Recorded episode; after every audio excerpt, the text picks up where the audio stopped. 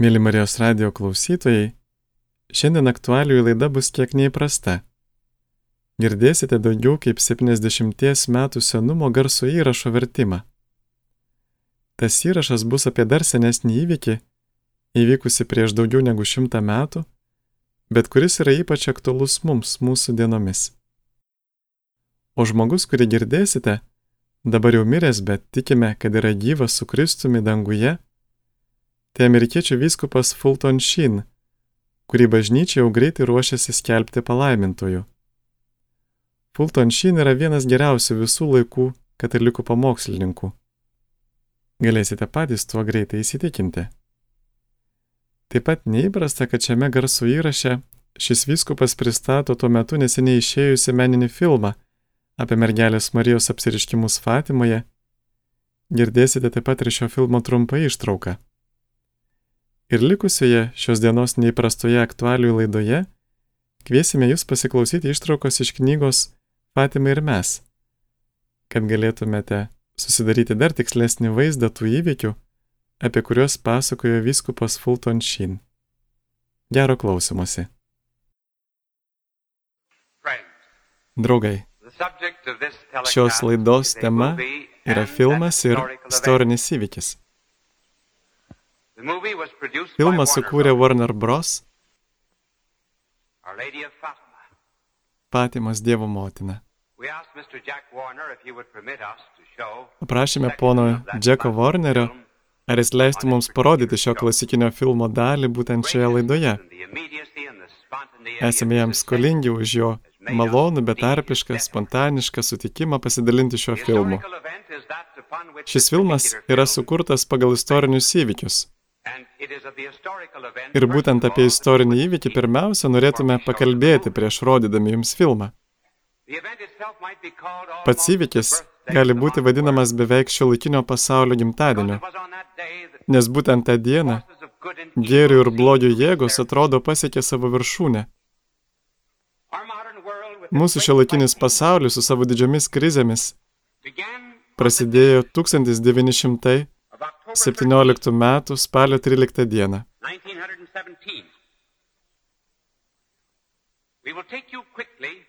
Greitai nukelsime jūs į tris miestus ir parodysime, kas įvyko tą dieną.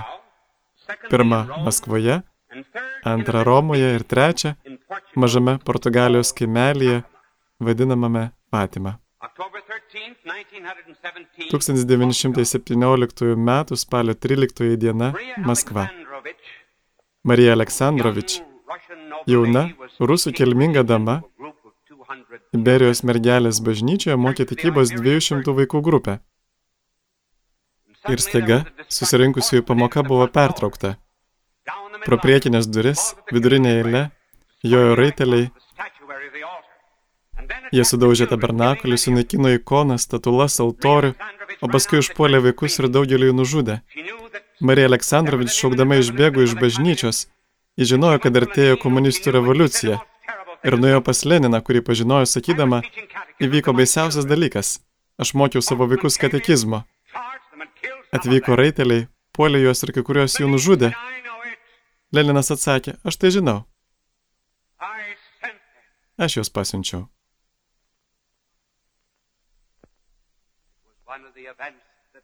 Tai buvo vienas iš įvykių, kurie parodė baisios komunistinės revoliucijos, nuo to laiko persikiojančios pasaulį pradžią. Roma. 1917 m. spalio 13 diena. Ta pati valanda, vidudienis. Visame mieste skamba bažnyčių varpai. Tai buvo džiaugsmingas įvykis.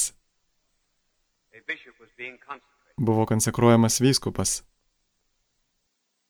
Jo vardas Eugenijo Pačelė. Žmogus, kuris tada nebuvo labai žinomas, bet kuris vieną dieną susidurs akis į akį su šia didžia revoliucinė jėga ir taps didžiausia dvasinė jėga pasaulyje prieš šį blogį. Po jo konsekracijos tą 1917 m. spalio 13 d. jis išvyko į Müncheną. Būtent tuo metu komunistai buvo labai stiprus. Jiems Münchenė vadovavo Karlas Libnetas. Paskui viena iš tų įdomių moterų, su kuriamis komunistai kovojo. Roza Liuksemburgietė. Jų įsakymų nužudyti 325 vadinamieji priešai. Vienas iš jų buvo tas pats arkivyskupas Eugenijo Pačelį. Pietų komunistų vadas Saileris, brolis Saileris ir jo padėjęs stovykloje Ronas Drotas atsivedė keletą kareivių su rankinėmis granatomis. Pats Tyleris buvo ginkluotas. Jis pateko į namą per savotišką gudrybę, jie pasislėpė už užuolaidos ir laukė suspardyti tą žmogų, apie kurį kalbame. Kai jis ėjo koridoriumi, Tyleris slėpėsi už užuolaidos. Jis išsitraukė ginklą, norėdamas jį nušauti, ir ginklas pataikė į krūtinės kryžių ant jo krūtinės ir nukrito ant žemės. Arkiviskupas Pačelis pasilenkė ir pakėlė jį, padavė atgal Saileriui ir pasakė, štai tavo ginklas, nužudyk mane, jei nori, man rūpi tik žmonių sielos. Saileris ir Ronas Drotas grįžo atgal ir negalėjo paaiškinti, kodėl nenužudė to žmogaus. Jie negalėjo paaiškinti, kodėl jie išsigando to lieso vyriškio. Jie žinojo tik vieną dalyką, kad nuo to laiko tas vyras nebijojo absoliučiai nieko visame pasaulyje. Tas vyras tapo Pijumi dvyliktojų, o tą kryžių ant krūtinės, kurį jis nešiojo tą naktį, dabar nešioju aš. Pijus dvyliktasis jie atidavė jo gerbiamam draugui, eminencijai kardinolui Spelmanui, kuris šį vakarą maloniai padovanojo man, kai pasakiau, kad noriu papasakoti apie šį įvykį. 1917 m. spalio 13 diena. Patimoje, mažame kaimelėje buvo susirinkę trys maži vaikai. Jie buvo susirinkę laukdami apsireiškimo. Jie pasakoja, kad jiems pasirodė Marija Dievo motina. Žinoma, tikrai taip galėjo būti. Viešpats atėjo per ją. Per ją jis padarė pirmąjį stebuklą, o paskui nuo kryžiaus mus visus jai pavedė savo maloniais žodžiais. Štai tavo motina. Vaikai pasakojo, kad ši ponia pasirodė jiems anksčiau, balandžio 13, gegužės ir birželio mėnesiais. Apsiriškimo metu buvo pasakyta kai kas labai įdomaus, o tai rodo, kad šiame pasaulyje yra kai kas svarbesnio nei politika. Moteris pasakė, kad šis pasaulinis karas baigsis kiek daugiau nei po metų. Dabar prisiminkime datą. 1917 spalio 13. Tais metais, didįjį penktadienį, mes, mūsų šalis, Junktinės Amerikos valstijos, pradėjome karą. Karas iš tiesų baigėsi šiek tiek daugiau nei po metų, 1918 lapkričio 11. Tada ponė liepė vaikams pasakyti pasauliu, kad ateis didingi taikos metai, jei tik pasaulis sugrįž pas Dievą. Rusija atsivers. Bet, jis sakė, jei pasaulis negrįž pas Dievą, iki kito popiežiaus valdymo pabaigos, tai yra 1936 metų, Ispanijoje prasidės antrasis pasaulinis karas. Taigi akivaizdu, kad dangus tą pilietinį karą laikė antrojo pasaulinio karo pradžia. Tada jį pasakė. Bet kad to išvengtume, prašau, kad žmonės darytų atgailą maldoje ir vėl sugrįžtų pas Dievą. jei jie nedarys atgailos. Kils antrasis pasaulinis karas, kuris bus baisesnis už pirmąjį pasaulinį karą. Tautos bus sunaikintos, miestai išnaikinti, gereikianties persekiojimus Rusija, persekiodamas klei savo klaidas visame pasaulyje, o pats šventasis tėvas daug kenties. Paskui jis suteikė vilties žodį, kad galiausiai Dievas triumfuos. Antrojo pasaulinio karo nereikėjo. Jis buvo nereikalingas. Karai kyla ne tik dėl politikos. Karai tai krizės ir nuosprendžiai, kurie mus ištinka dėl to, kaip mes gyvename. Tačiau turėjo būti tam tikras ženklas, kad šis apriškimas tikras. Ir būtent šią dieną 70 tūkstančių žmonių kartu su vaikais susirinko į Fatimą. Įdomu tai, kad dauguma jų buvo netikintieji. Portugalija tomis dienomis buvo anarchistinė, komunistinė, ateistinė ir antiklerikalinė valstybė. Jie atėjo iš smalsumo. Kai kurie iš jų abejojo, dauguma abejojo, kad kas nors įvyks, bet vaikai teigia, kad ponė jiems sakė, jog įvyks didelis stebuklas, kuris bus įrodymas, kad jie iš tikrųjų pasirodė. Ir tas įrodymas buvo tai, kas vadinama Saulės stebuklų.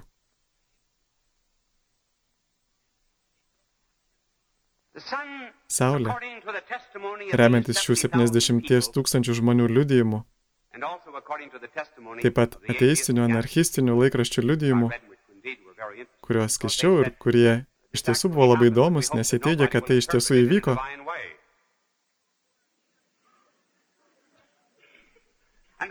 Atrodė, kad Saulė pajudėjo ir tapo panaši į didelį sidabrinį rutulį o paskui į visas pusės šaudė kibirkštis. Jie ėmė skrieti ir beveik nukrito ant žmonių. Tada jie šaukėsi Dievo, melsdamiesi, prašydami, liūdėdami ir atgilaudami. Visų akivaizdoje įvyko stebuklas, nors visą laiką lyjo lietus. Kai šis reiškinys įvyko tris kartus, visi pamatė, kad jų drabužiai tapo sausi. Nuo to laiko Fatima tapo savotiška visų pasaulio žmonių susibūrimo vieta. Jie tikėjo, kad taika sudarome ne prie politikų stalų, Būtent taika sudaroma malda, atgailos ir atsiteisimo aukomis. 1951 spalio 13 aš buvau Fatimoje.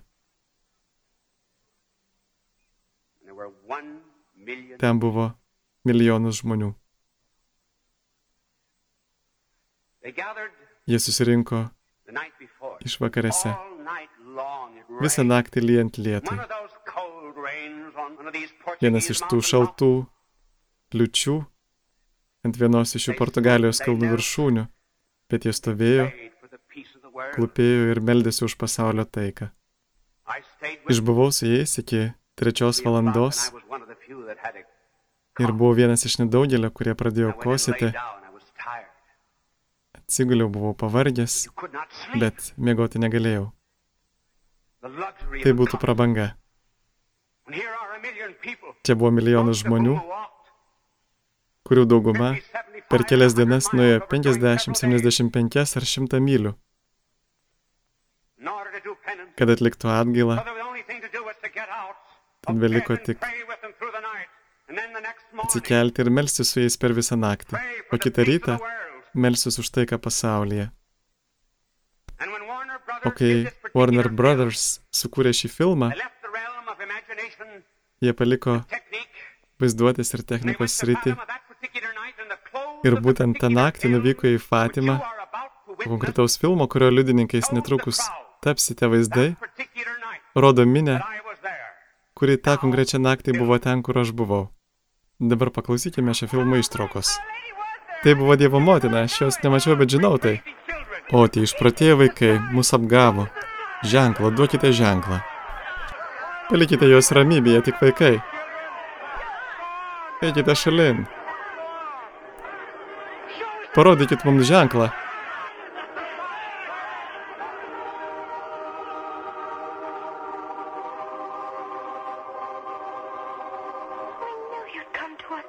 Žinau, kad ateisite pas mus, brandžioji ponė. Ko jūs norite iš mūsų? Noriu jums pasakyti, kad karas netrukus pasibaigs ir kareiviai grįš į savo namus. Nebijokite. Galiausiai Dievas triumfuos. Sakėte, kad pasakysite, kas esate. Aš esu Rožinio Dievo motina. Švenčiausioji Rožinio karalienė. Kur yra mūsų ponė, mes jos nematėme. Jie kalba į tuščią orą.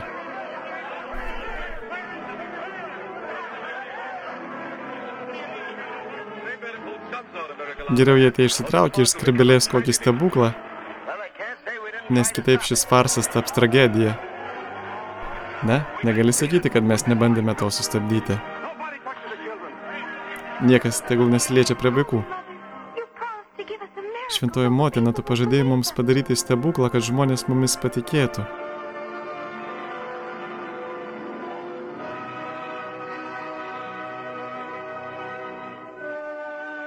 Pažiūrėkite į Saulę. Saulė, pažvelkite į Saulę. Saulė, pažvelkite į krantą.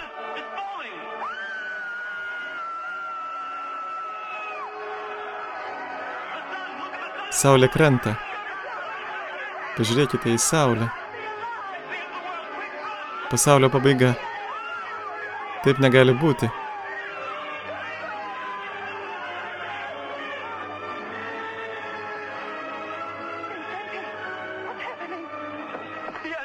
Kas čia vyksta?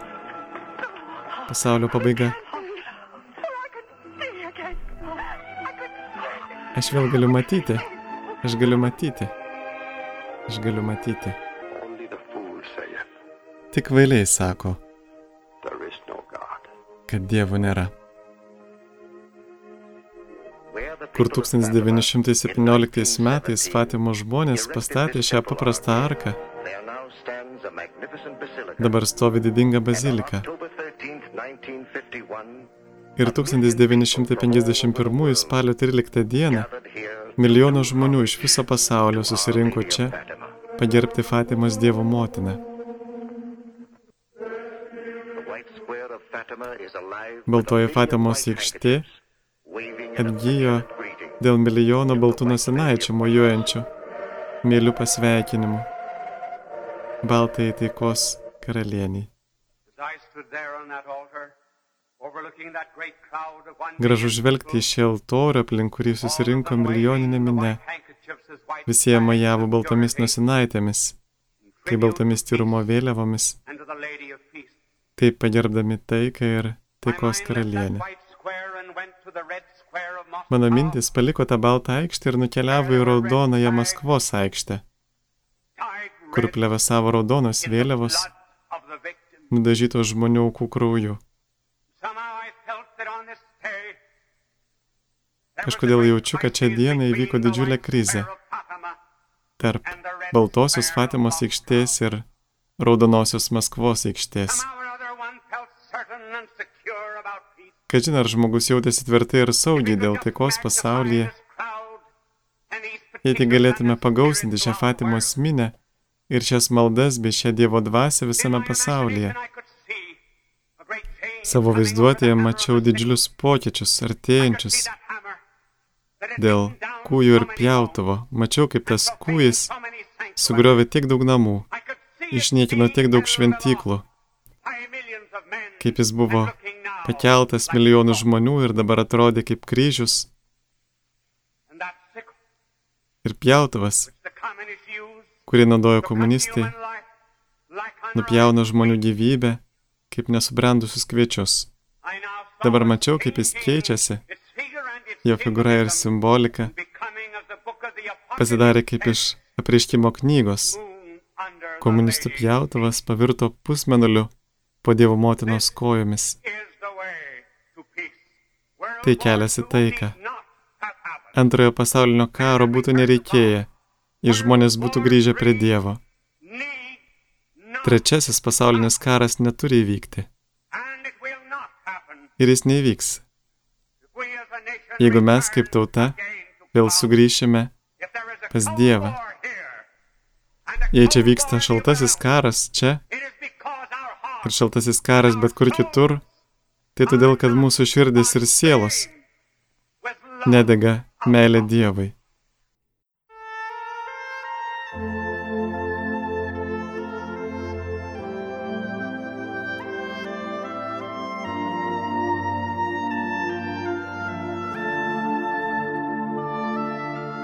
Kunigas Jonas Kuzmickis, Fatima ir mes. Knygą išleido leidikla Žibintas, Londone, 1955 metais. Skaito aktorė Olita Dautartaitė.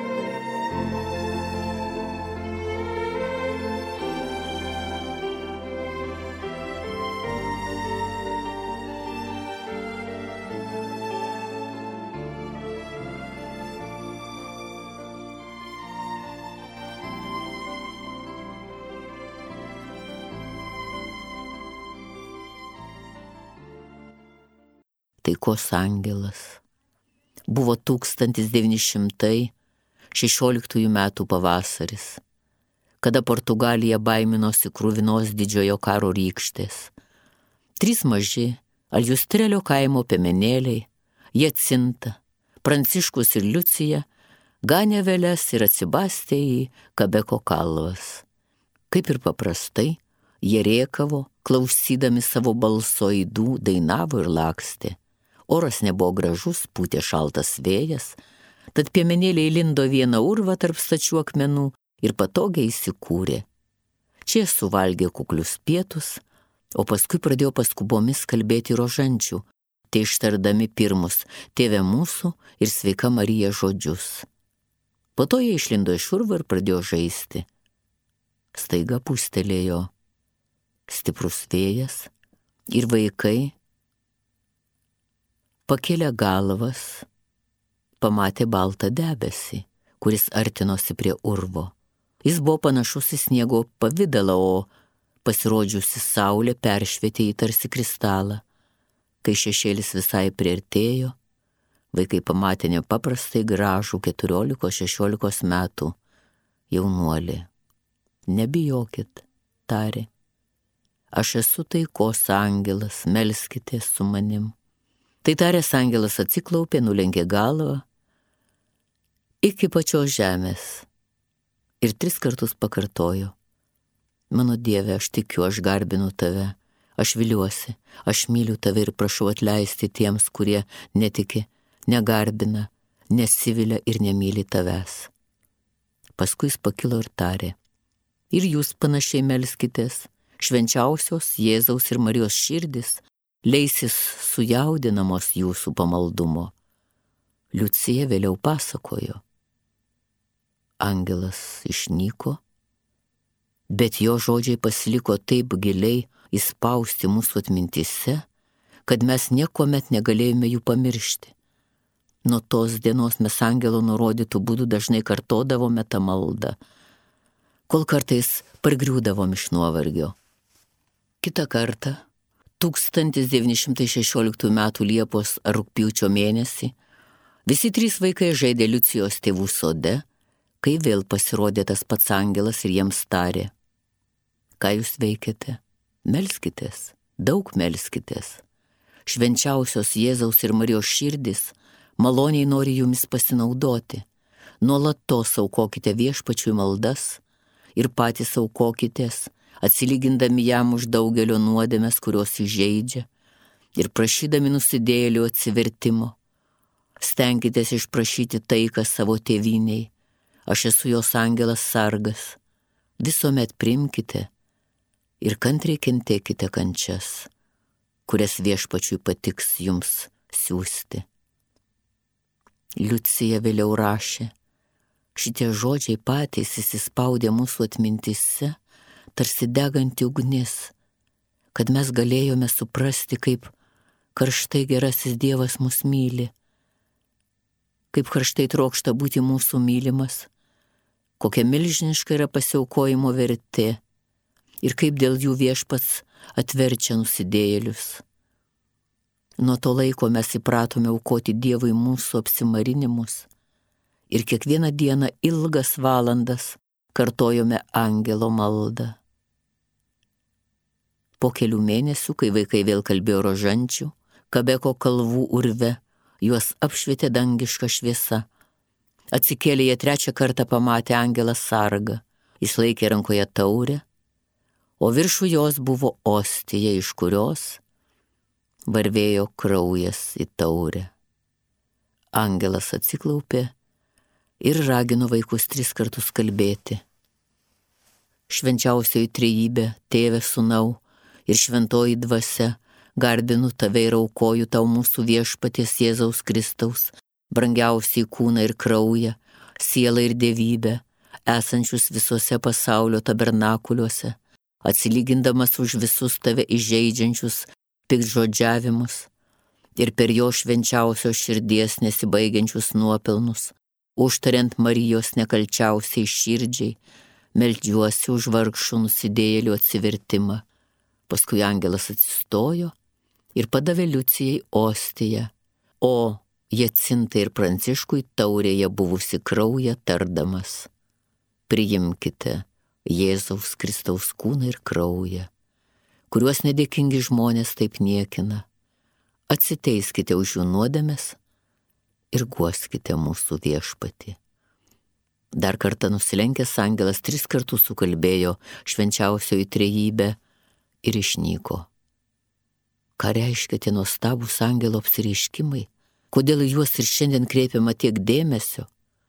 Geriausiai tai atsako kunigas Fonseca, tvirtindamas, Aišku, tai buvo padaryta, kad vaikai būtų parengti ir gerai orientuotųsi. Tai juos prirengė didiesiems 1917 m.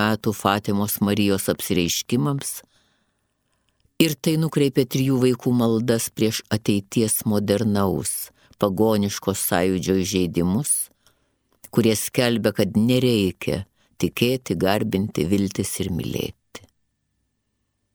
Vaikų atoveikis.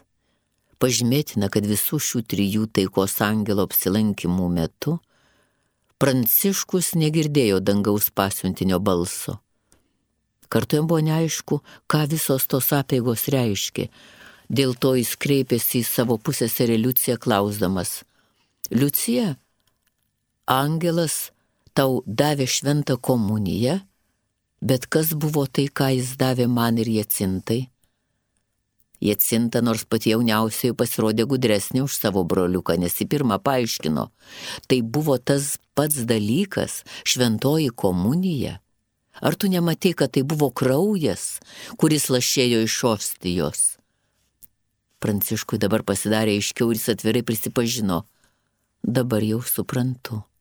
Aš jaučiau, kad man jie buvo Dievas. Bet nežinojau kaip. Paskui su savo mažaja sesute atsiklaupė ant žemės ir ilgai kartojo maldas, kuriuos angelas išmokė. Nuo to laiko trys mažieji, aljusterlio piemenėliai pasikeitė. Tarsi kokia ant gamtinė jėga vertė juos laiks nuo laiko atsiklaupti, nusilenkti iki žemės ir kartoti nesiniai išmoktas maldas. Pasikeitė ir jų įprastas vikrumas, gyvumas ir siautimas. Net jų fiziniai veiksmai atrodė kit tokios, kokios tai nežemiškos jėgos tvarkomi. Dabar jie ypatingai pamėgo ramybę, susitelkimą, visas savo mintis teikdami prie viešpatės Dievo ir pasidarė tartum apatiškesni. Matyt pats viešpats Dievas. Tokiu būdu norėjau parengti mažųjų sielas nepaprastiems ateities įvykiams, kurie turėjo perkeisti juos pačius ir visą žmoniją. Švenčiausios Marijos apsireiškimai. 1917 m. gegužės 13 d. Sekmadienį Liucija, Jacinta ir Pranciškus gynė vis į Kovadą ir į slėnį. Liucija neseniai buvo priemusi pirmąją komuniją, jos tėvai Kovada ir jie lankose, kurios buvo už dviejų mylių nuo jų namų, turėjo mažą gabalėlį žemės, kur žiemą ir vasarą žaliavo senie žuolai. Išgirdę Fatimos bažnyčios varpą, skambinantį viešpatės angelui, trys maži piemenėliai atsiklaupė ant žemės ir pradėjo bendrai kalbėti rožančių. Sukalbėjo nutarė statyti mažą namelį, kur galėtų prisiglausti audrų metu. Nieko negalvodami, apie savo vaikiško sumanimo simboliką, Jie nameliui pasirinko tą vietą, kur dabar stovi balta Fatimos Dievo motinos bazilika. Kai vaikai buvo įsigilinę į savo statybą, staiga juos išgazdino akinanti žaibo šviesa. Išsigandę žvilgtelėjo į dangų. Tačiau ten nebuvo ne mažiausio debesėlio, kuris temdytų spinduliuojančią saulę. Manydami, kad audra artėja kitų kauburio kraštu, varė sevelės į pakalnėje ošinti šilą pusiaukeliai pastebėjo antrą žaibą, kuris buvo dar šviesesnis. Visi trys skubėjo nesustodami. Pasiekė Kauburio pakalnę, kur dabar stovi apsireiškimų koplyčia, sustojo, nustebinti ir išgazdinti nepaprasto įvykio. Už kelių žingsnių nuo žaliuojančio žolėlio vaikai pamatė nepaprastai gražią mergaitę, šviečiančią ir spinduliuojančią labiau nei saulė apsireiškusio išvelniai juos nuramino sakydama, nebijokit, aš jums nieko blogo nedarysiu. Piemenėliai sustingo, apstulbę stebėdamėsi nepaprastų vaizdų. Apsireiškusioji buvo nepaprastai graži, atrodė tarp penkiolikos ir aštuoniolikos metų. Rūbai buvo balti kaip sniegas, apjuosti apie kaklą auksinių raikščių, ir nusidriekia iki pat kojų pirštų. Baltas šydas apsakstytas auksu, gaubė galvą, pečius ir leidosi iki kojų. Rankos buvo sudėtos prie krūtinės tarsi maldai. Brilianto perlų ir sidabrinio kryželio rožančius kabėjo dešinėje rankoje. Nepaprasto grožio veidas švietė kaip saulė, nors buvo išrašytas rūpeščio ženklais. Po kelių nuostabos minučių Liucija išdryso paklausti, iš kur atėjot? Atėjau iš dangaus, atsakė apsireiškusi. Iš dangaus? O ko čia atėjot?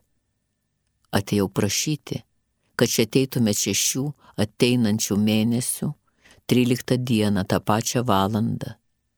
Spalio mėnesį pasakysiu, kas esu ir ko noriu.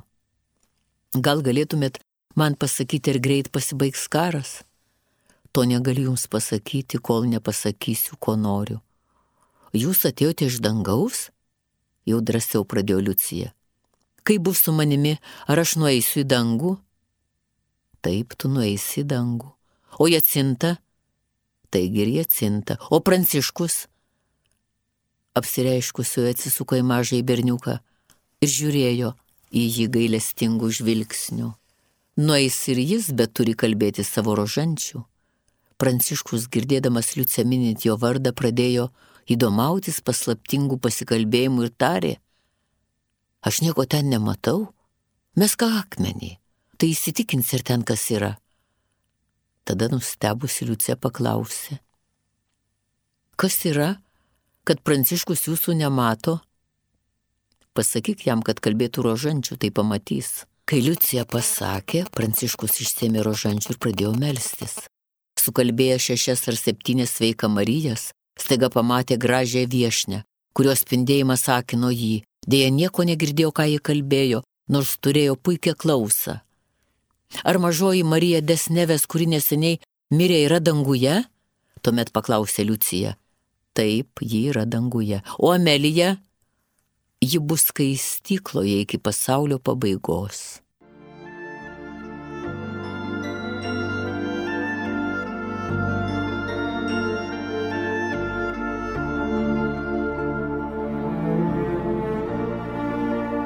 Girdėjote ištrauką iš kunigo Jono Kuzmitskio knygos Fatima ir mes. Skaitė aktorė Olita Dautartaitė.